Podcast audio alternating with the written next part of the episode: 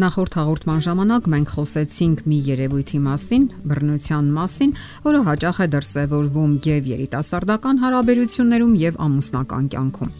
Ինչպես նաև այն ախտաբանական կախվածության մասին խոսեցինք, որով զոհը կապվում է իր տանջարարի հետ։ Այս հարցը կարևոր է այնքանով, որ հարկավոր է ցույց տալ այն ճանապարհը, որով պետք է ազատագրվել նման կախվածությունից։ Հասկանալի է, որ նման հարաբերությունները առողջ չի կարելի անվանել, եւ դրանք երբեք չեն բարելավվի, որովհետեւ բռնարարները սովորաբար չեն փոխվում, նրանք չեն փոխում իրենց բնավորությունը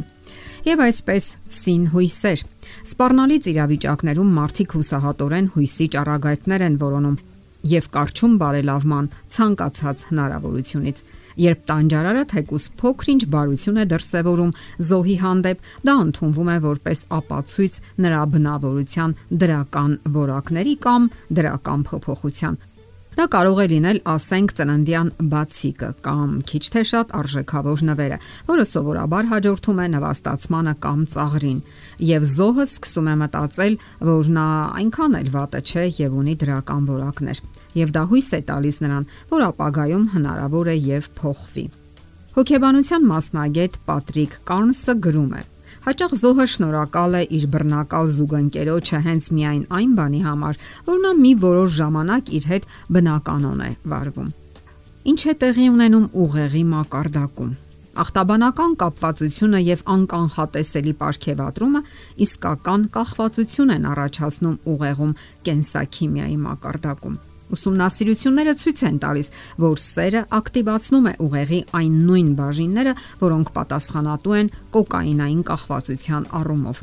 Մշտական բարդությունները հարաբերություններում կարող են, որքան էլ դա տարօրինակ թվա, ել ավելի ուժեղացնել կախվածությունը։ Այդ գործընթացի մեջ ներգրավված են հետևյալ նյութերը՝ օքսիտոցին, սերոտոնին, դոֆամին, կորտիզոլ եւ ադրենալին Եվ զուգընկերոջ դաժան վերաբերմունքը կարող է ոչ թե թուլանալ, այլ ընդհակառակը ուժեղացնել նրա հանդեպ կախվածությունը։ Դոֆամին նյութը առանցքային դեր է խաղում ուղեղի բավականության կենտրոնում։ Նրա օգնությամբ ուղեղը ստեղծում է որոշակի կապեր։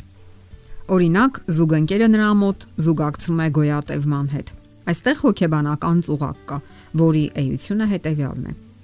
անկանխատեսելի ապարքեվատրումները ավելի շատ դոֆամին են արտադրում ուղեղում, քան կանխատեսելի նվիրատվությունները։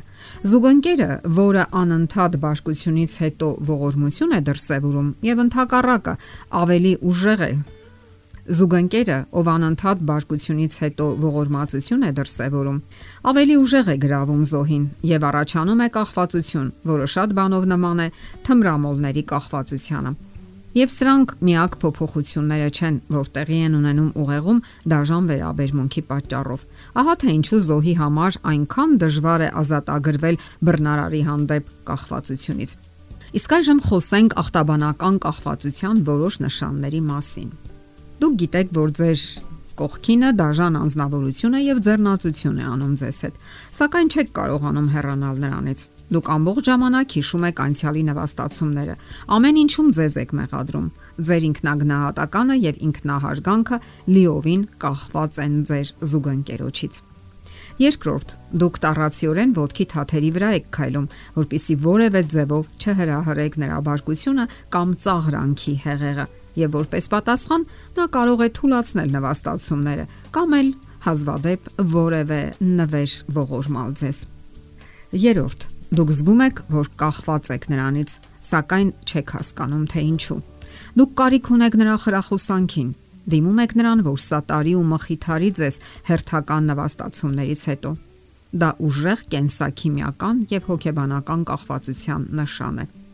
4. Դուք պաշտպանում եք բռնարարին եւ ոչ մեկին չեք պատմում նրա վատ արարքների մասին։ Դուք հրաժարվում եք հայտարարություն տալ ոստիկանություն եւ պաշտպանում եք նրան, երբ ձեր հարազատները կամ կողքինները փորձում են ցույց տալ նրա վատ արարքները եւ բնավորությունը։ Հնարավոր է դուք ցանկանում եք մարդկանց ցույց տալ, որ ձեզ մոտ ամեն ինչ կարքին է եւ դուք երջանիկ եք։ Իսկ երբեմն էլ չափազանցնում եք կամ ռոմանտիկ երանգներ եք տալիս նրա հազվագյուտ դրական քայլերին։ 5-րդ Երբ դուք փորձում եք նրանից հեռանալ, նրա ձևական զղջումը կամ կոկորդիլոսի արցունքները ու փոխվելու խոստումները ամեն անգամ ձեզ տար համոզում են եւ դուք շարունակում եք դիմանալ այդ վիճակին։ Եվ որքան էլ հասկանում եք ձեր վիճակի լրջությունն ու հարաբերությունների խախուտ լինելը, այնուամենայնիվ շարունակում եք կեղծ հույսեր փայփայել, որ նա կփոխվի դեպի դրականը։ 6-րդ Դուք սկսում եք հուսահատվել եւ անգամ ինքնավնասման մտքեր են առաջանում։ Կորցնում եք հետաքրքրությունը կյանքի հանդեպ, սակայն պատրաստ չեք դուրս գալու այդ կասկածելի վիճակից։ 7-րդ Դուք այնպես եք անում, որ համապատասխանեք բռնարարի նորանոր պահանջներին։ Փոխում եք ձեր վարքագիծը, արտակինը, բնավորությունը, իսկ ահա նա պատրաստ չէ որևէ փոփոխության։ Այս ամենից մեկ եզրակացություն։ Հարկավոր է վերացնել բռնությունը ձեր կյանքից։ Եթե զգում եք, որ ախտաբանական կախվածության մեջ եք, առաջին հերթին գիտակցեք դա եւ սկսեք լուծել հիմնախնդիրը։ Հասկացեք, թե ինչն է ձեզ պահում նման հարաբերություններում եւ իմացեք, որ հիվանդագին եսասերները կամ նարցիսական ինքնասիրահարվածները չեն փոխվում դեպի լավը։ Ոչ հանուն ձեզ եւ ոչ էլ հանուն որևէ մեկի։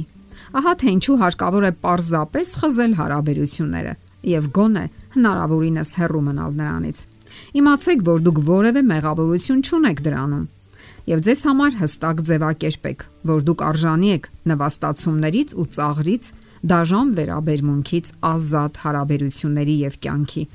Ձեզ անհրաժեշտ են առողջ հարաբերություններ, ինչպես ընկերական, այնպես էլ սիրո։ Դա ձեզ ուշ կտա, այլ ոչ թե կհյուծի։